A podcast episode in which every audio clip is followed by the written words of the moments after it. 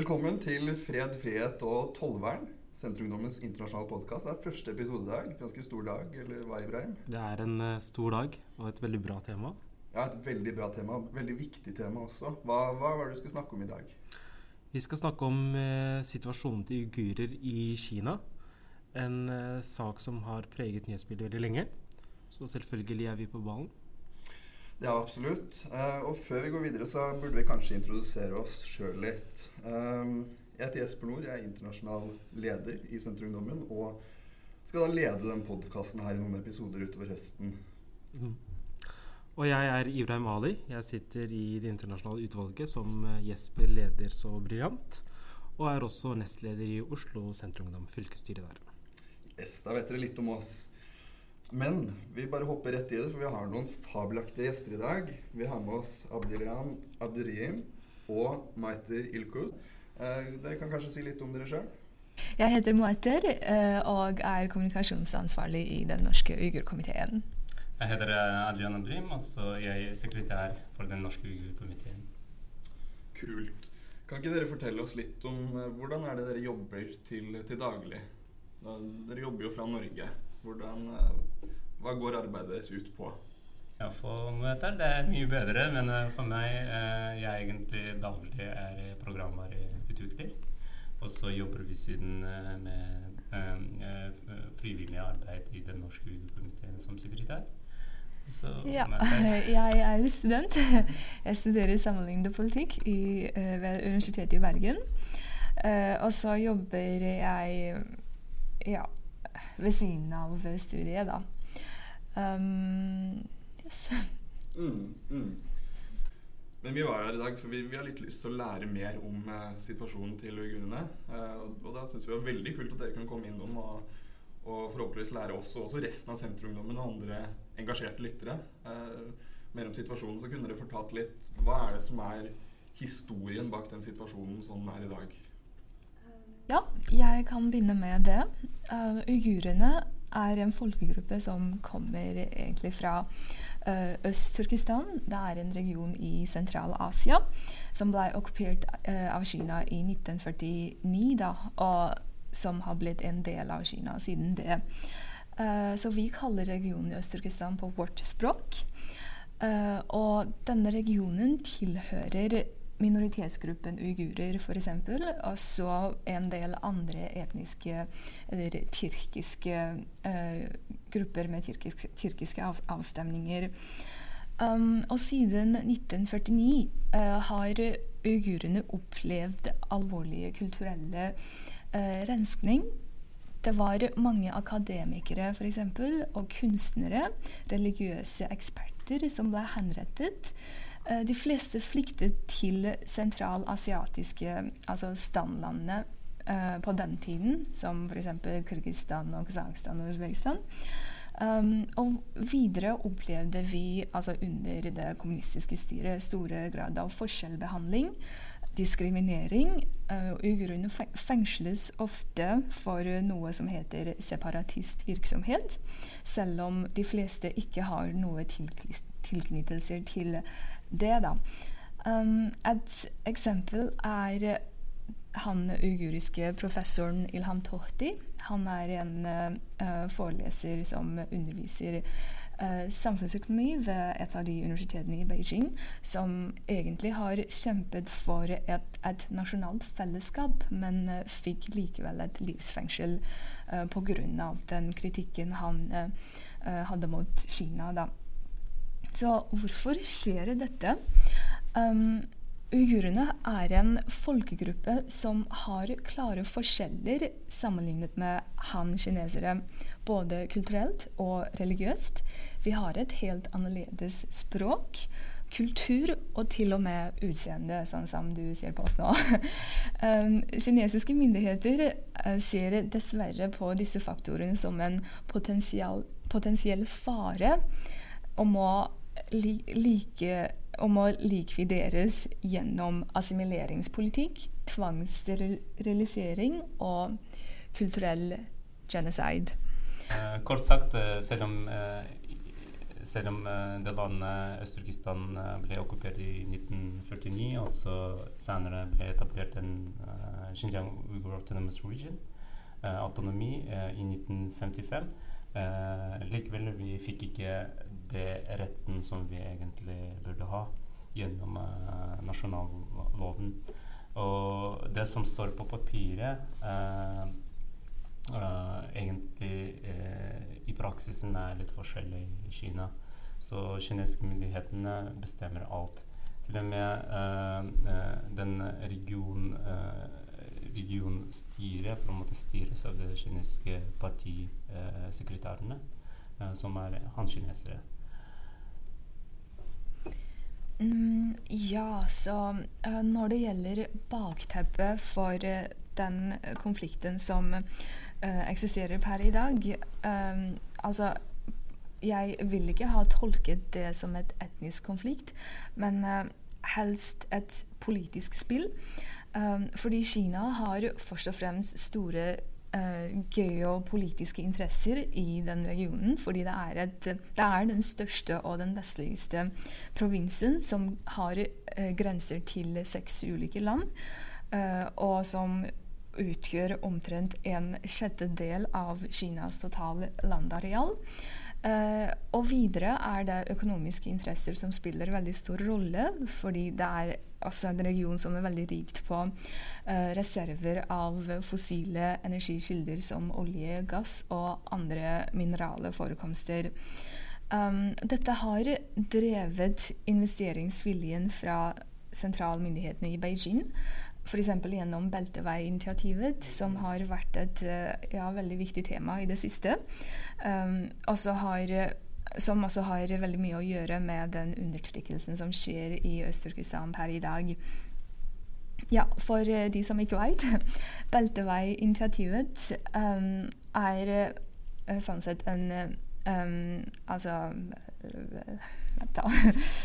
Uh, ja, Belteveiinitiativet Uh, har vært mye omtalt i det siste, som sagt. Uh, og det var i 2012, da Kinas president lanserte ideen om den nye Silkeveien. Og det dreide seg om å bygge store, um, altså moderne handelskorridorer som inkluderer alt fra å bygge motorveier i Pakistan og jernbaner i Kenya og havner på Sri Lanka.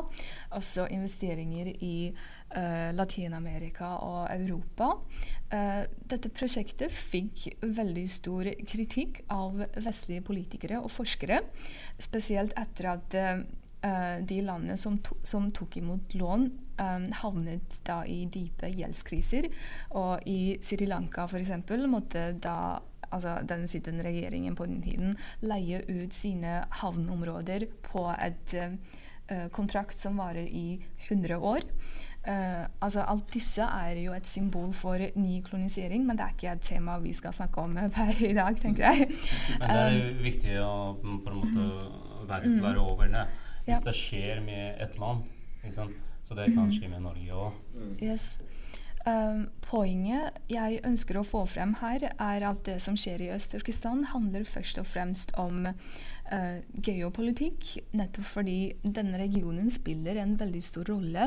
Um, altså hvis du tenker på dette prosjektet um, geografisk sett. Uh, og de ressursene som finnes der, betyr jo veldig mye for kinesiske myndigheter. Og det er altså slik at dersom Kina ønsker å realisere dette prosjektet og oppnå den imperiale statusen de ønsker, er de da nødt til å sikre grenser uh, og en marine i verdensklassen. Og ideen om den nye Silkeveien kom ut i 2012. Uh, eh, og to år seinere, i 2014, tenker jeg, besøkte den kinesiske pre pre presidenten um, Øst-Turkestan, altså regionen vi kom fra. Um, og enda to år seinere lan lanserte de konsentrasjonsleirene uh, kort etter det, da. Um, Altså Det var veldig mange, tror jeg, som, og jeg tror Jesper er enig med meg, at uh, vi ble jo veldig sjokkerte når vi hørte om disse konsentrasjonsleirene mm. og rapportene om hva som foregår uh, i dem. En, uh, og så er det jo faktisk veldig mange millioner uigurer som bor i denne regionen. En, hvordan har de det i sivilsamfunnet? En, hvilke rettigheter har de som foreløpig ikke er i leirer, og hvordan er situasjonen for dem? Kort sagt, eh, det er nesten ingen rettigheter for uigurene. Etableringen av de konsentrasjonsleirene eller eh, alle de, de på en måte eh, særlige lover som de implementerte i regionen, og allerede viser at den kinesiske staten som et stat har feilet å, å beskytte egne borgere uh, gjennom eget uh, grunnlov. Mm. Så det er veldig viktig å, å, på en måte poengtere. Og det som skjer, f.eks. Vi, vi, vi har nevnt det flere ganger at uh, vi har mistet familiemedlemmene våre i Øst-Turkistan. Og det, det, tok nesten ett år før det på en måte kom til FN. Mm. Og at det ble på en måte bekreftet senere av kinesiske myndighetene. Men uh, selvsagt, de, de, kaller ikke det konsentrasjonsleir, men de kaller det så, såkalte omskoleringsleirene. Mm. Men hvis du ser på situasjonen der inne, det er en konsentrasjonsleir. Fordi du, du nektes om å, å, å forlate det stedet. Uh, du er fullpakket i et uh, li, lite, lite, rom på hvor det er nesten 30-60 mennesker som befinner seg et sted. Eh, hygiene eh, følges ikke. Det er ikke noe for å praktisere religion. Eh, til og med det er rapporter fra eks-fanger fang, som fikk på en måte muligheten om å rømme. At til og med i fredagen, som er helligdag for, for muslimer, det serveres svinkjøtt, f.eks. Det er som, på en måte forbud for oss.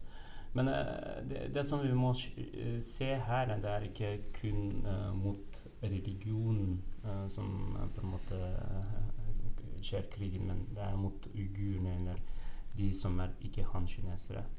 Så det er å på en måte å slette hele identiteten av figurene på en måte, og ikke mm. fungere det normalt, normalt som en vanlig person.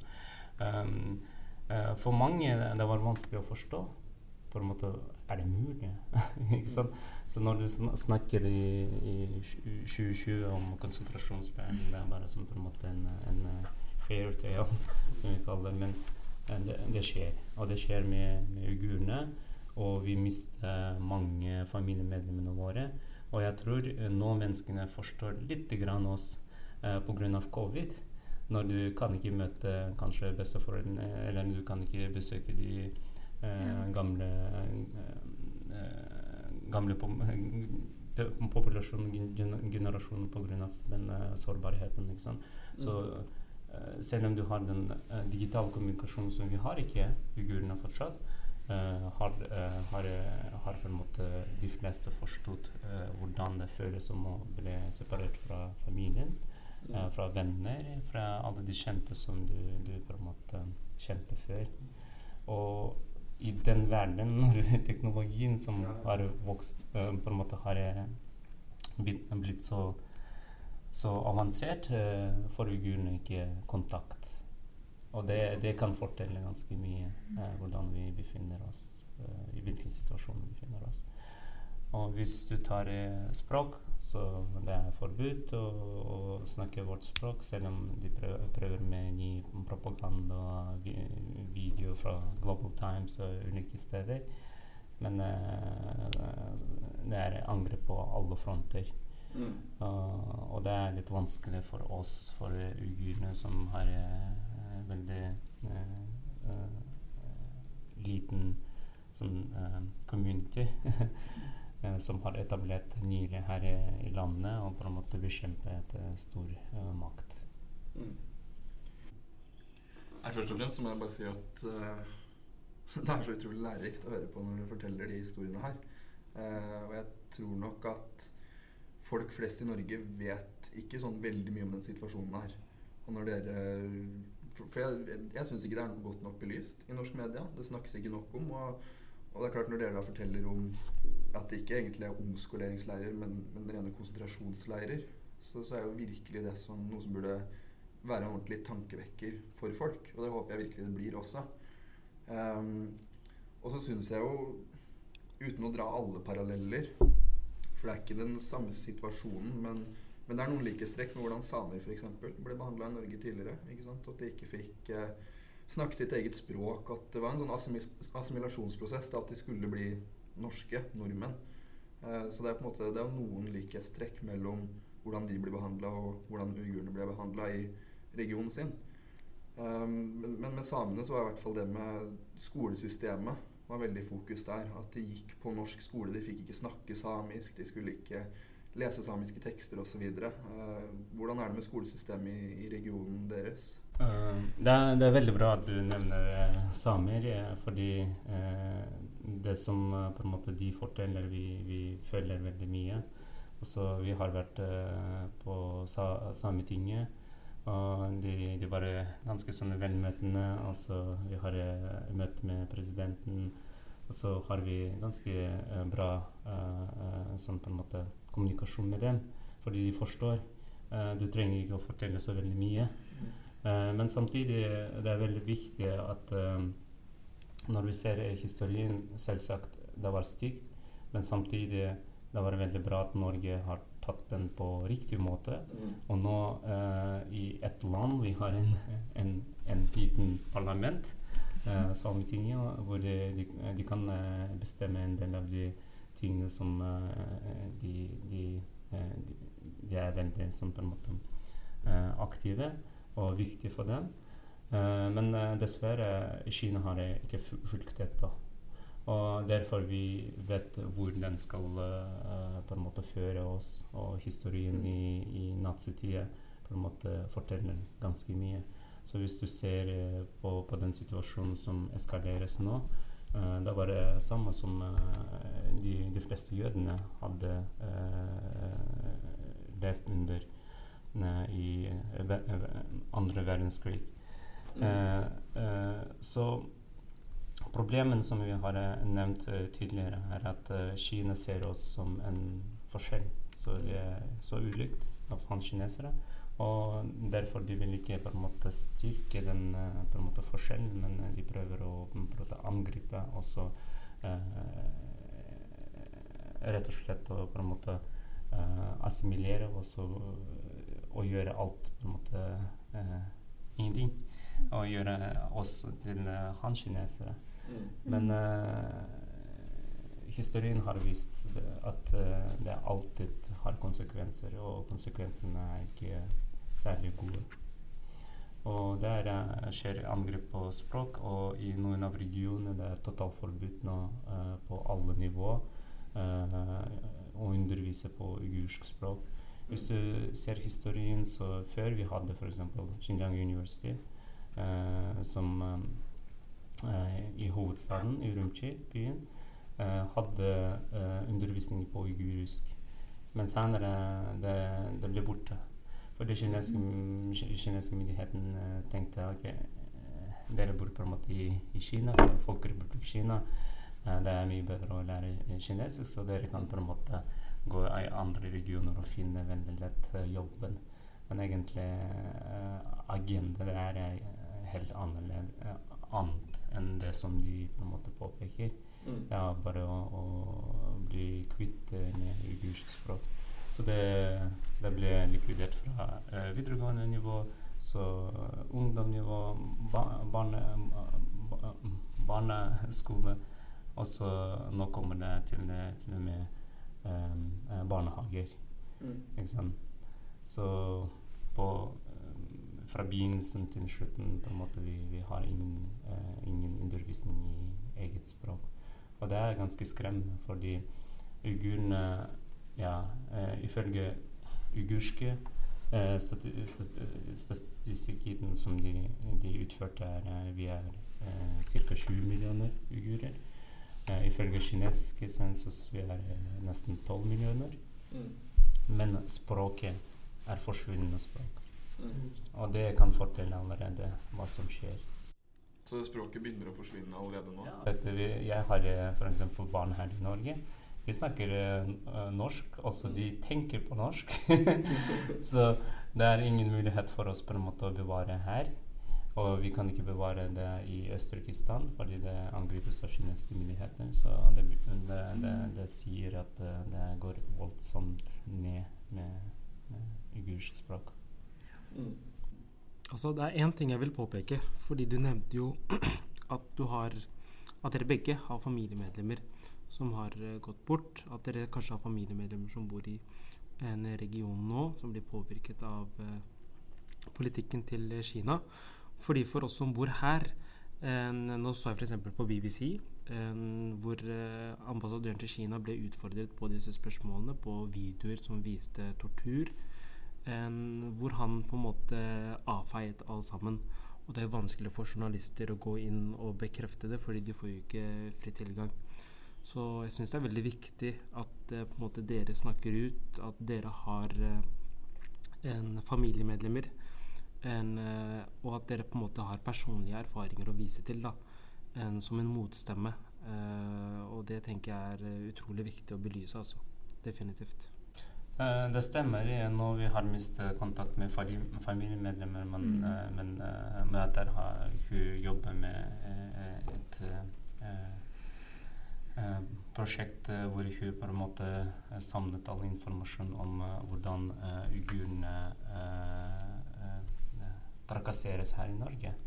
Kan kanskje fortelle litt mer? Ja, det var egentlig basert på Proba Samfunnsanalyse sin nyeste rapport, som sier at uh, den uiguriske diasporagruppen opplever stor grad av press og kontroll fra uh, opprinnelseslandet, mm. altså av kinesiske myndigheter, selvsagt.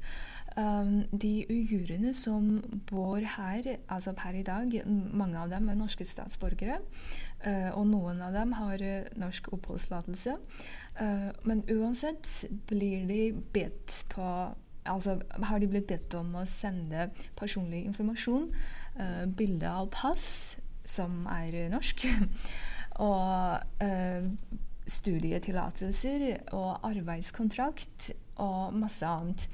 Uh, og, og, fylle ut uh, ulike skjemaer som sier mye annet om uh, Mye om sine Altså hva de gjør her i Norge, da.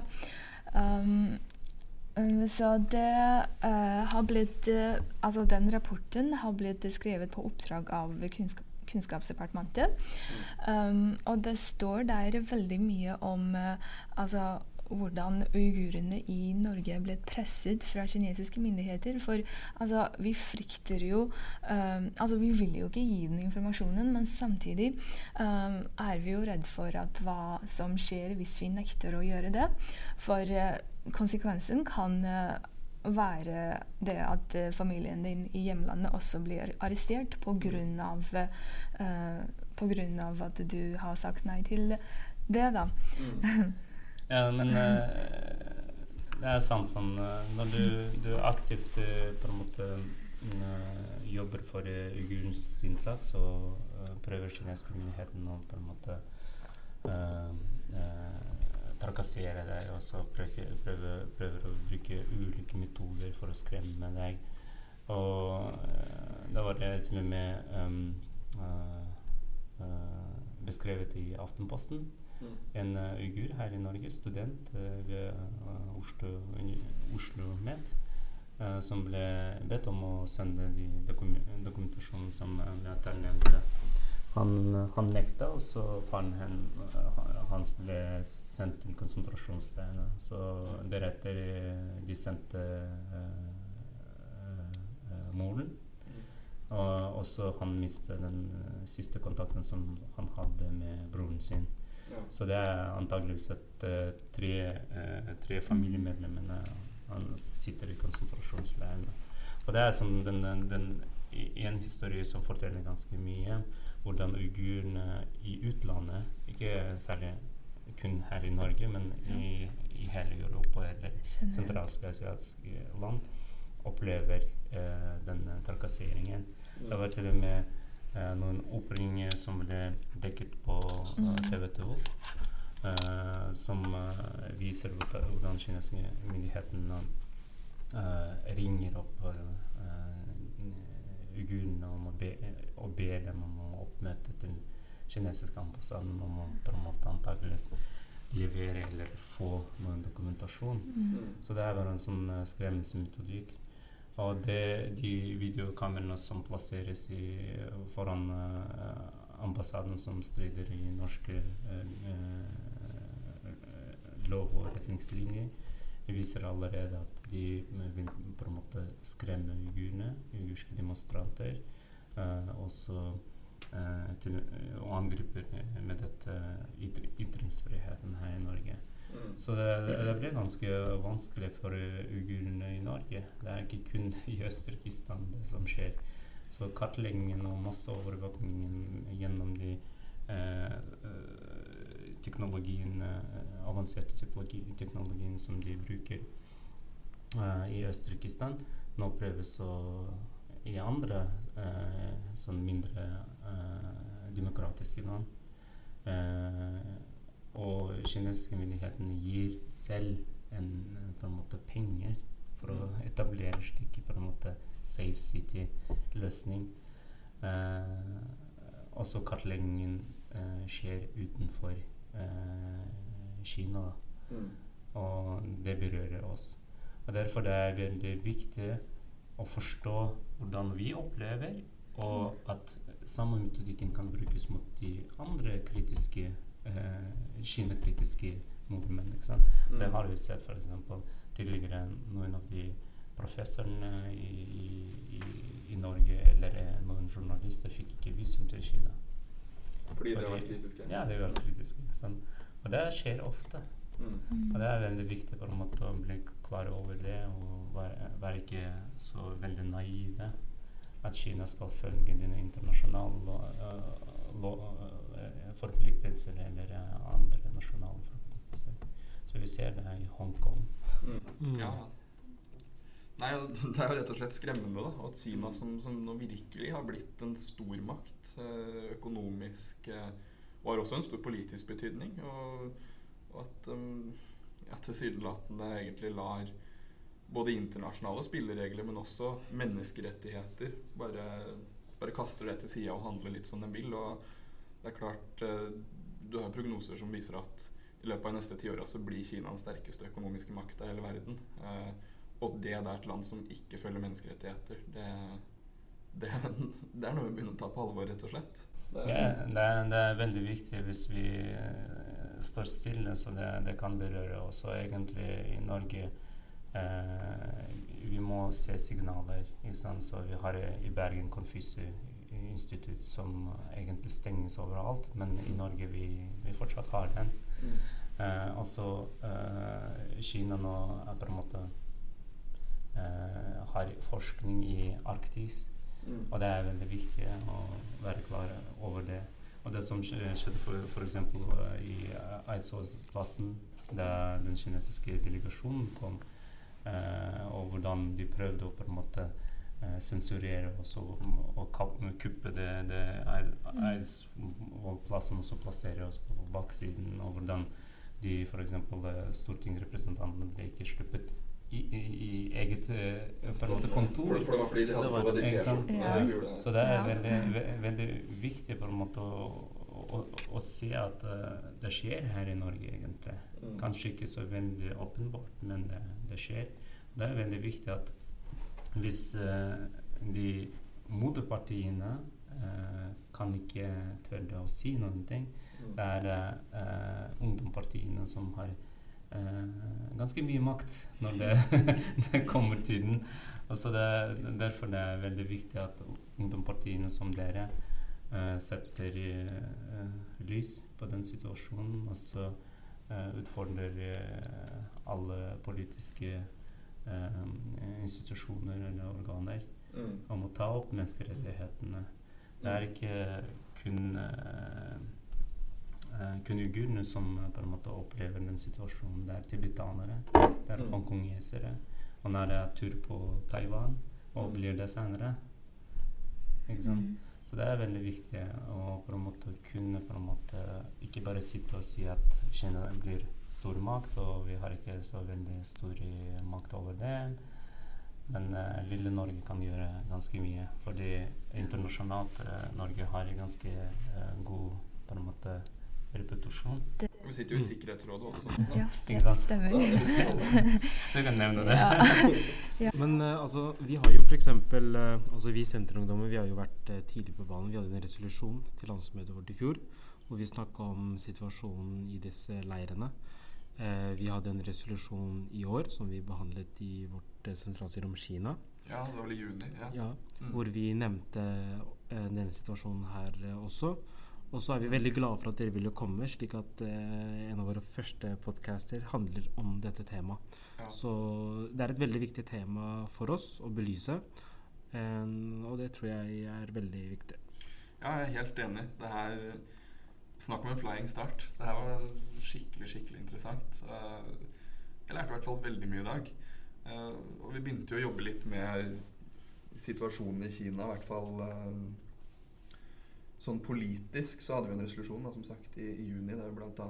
Uh, vedtok å fordømme den behandlinga som uigurene får. Eh, men også kraftigere tiltak som å rett og slett stanse alle forhandlinger rundt frihandelsavtaler med Kina til de virkelig respekterer bl.a. menneskerettigheter.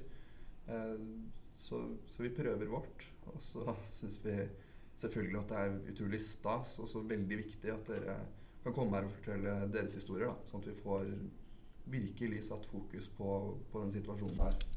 Ja, det, det er veldig viktig, og særlig det, det, det som du nevner, frihandelsavtalen. Liksom.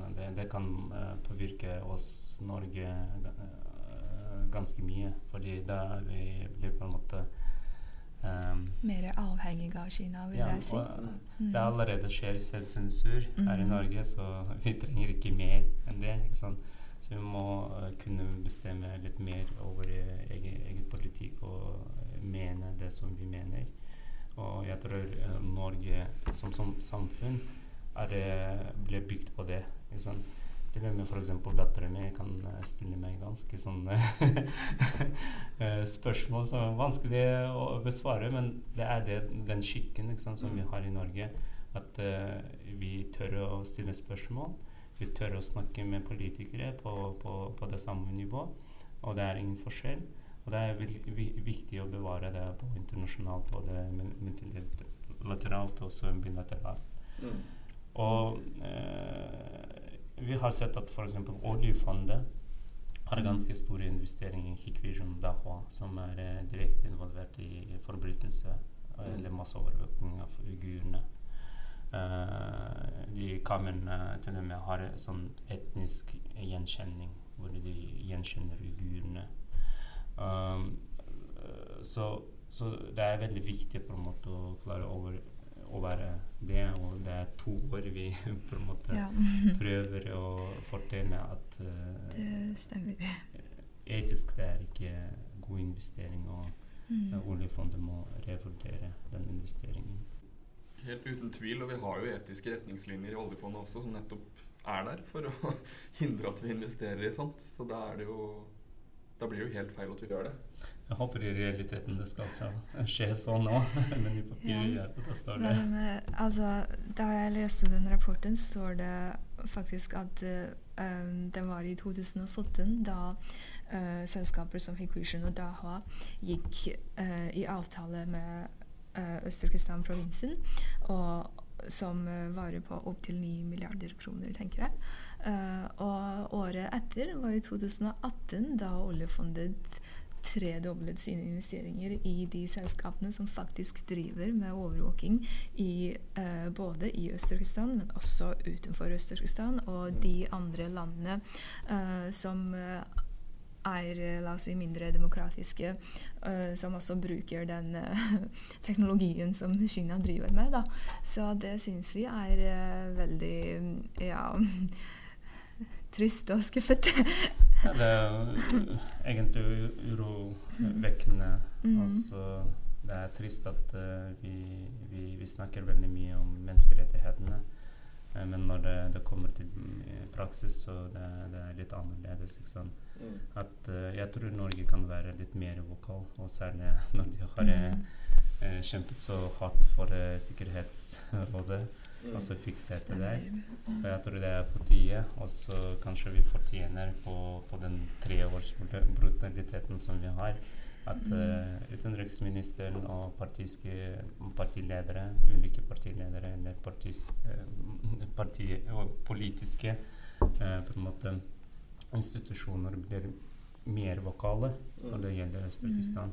Mm. Ikke bare å på en måte signere en uh, felles erklæring eller felles resolusjon, med, men å kanskje komme med egen resolusjon Mm. eller eh, eget eh, erklæring som, eh, eh, som på en måte kanskje kan forene de andre nordiske Mm. land eller europeiske land. Mm. For vi eh, tenker at Norge er et eh, land med eh, stor innflytelse internasjonalt. eh, også med høy status. Og det har jo Altså, det å bekjempe menneskerettighetene har jo vært et hovedplar i norsk utenrikspolitikk, som eh, utenriksministeren sier. Um, ja, men eh, når det gjelder la oss si oljefondet-saken, så sier vi det litt eh, altså ser vi at det ikke, er, det ikke helt stemmer i virkeligheten. Så vi jo Altså vi ønsker at det kan gjøres noe endring i disse områdene, f.eks. At eh, det, det kan være vanskelig å eh, stå mot, opp mot Kina liksom generelt, men eh, i det minste tenker jeg at vi ikke bør tillate oss å være med på den undertrykkelsen som skjer der, da. Um, ja, og når det gjelder Sikkerhetsrådet um, fra og med neste år um, Regjeringens prioriteringer vil jo være det å beskytte først og fremst kvinners og barnas rettigheter. Men uh, forrige måned kom det nettopp ut en uh, rapport som sier at uh, uiguriske kvinner blir uh, tvangssterilisert, av, sti, tvangssterilisert av kinesiske myndigheter. Og det er hardere befolkningspolitikk som tas i bruk der, som, gjelder, som inkluderer f.eks. tvangsprevensjon, tvangsabort. Og det hele uiguriske befolkningstallet har sunket med 40% i det siste ti året. Det er stort tall. Og vi ønsker at uh, Norge kan ta opp denne problematikken når vi sitter i Sikkerhetsrådet, og, bruke, og faktisk bruke den rollen vi har, da. Mm. Mm. Ja, det tror jeg vi er helt enige om at vi absolutt skal Ja, gjøre. Eller hva ja, det ja. Altså Nå tenker jeg f.eks. Eh, oljefondet, så tror jeg det er viktig å holde et press på dem da, om å sørge for at de tar eh, det etiske til etterretning. Nå har de jo ikke en ledelse, eller vi får se hva som, Vi får Kommer- se hva som skjer. hva, som skjer der. Men, eh, og Sikkerhetsrådet også, for så vidt. Eh, forhåpentligvis vinner vi valget neste år. Og da er det jo eh, kanskje vi som sitter i eh, regjering, den tiden vi sitter eh, i Det hadde vært veldig fint. Det er bra dere støtter oss. Nei, men vi, vi kan i hvert fall si det at vi i Sentrumdommen, vi så, Som jeg har sagt så mange ganger før, da, vi setter veldig stor pris på at dere har lyst til å fortelle om situasjonen. Og vi har prøvd å ta den på alvor, og vi kommer til å prøve å ta den på alvor også videre. Vi skal jo Vi har et landsmøte i moderpartiet vårt neste vår, og så har vi et valg, da.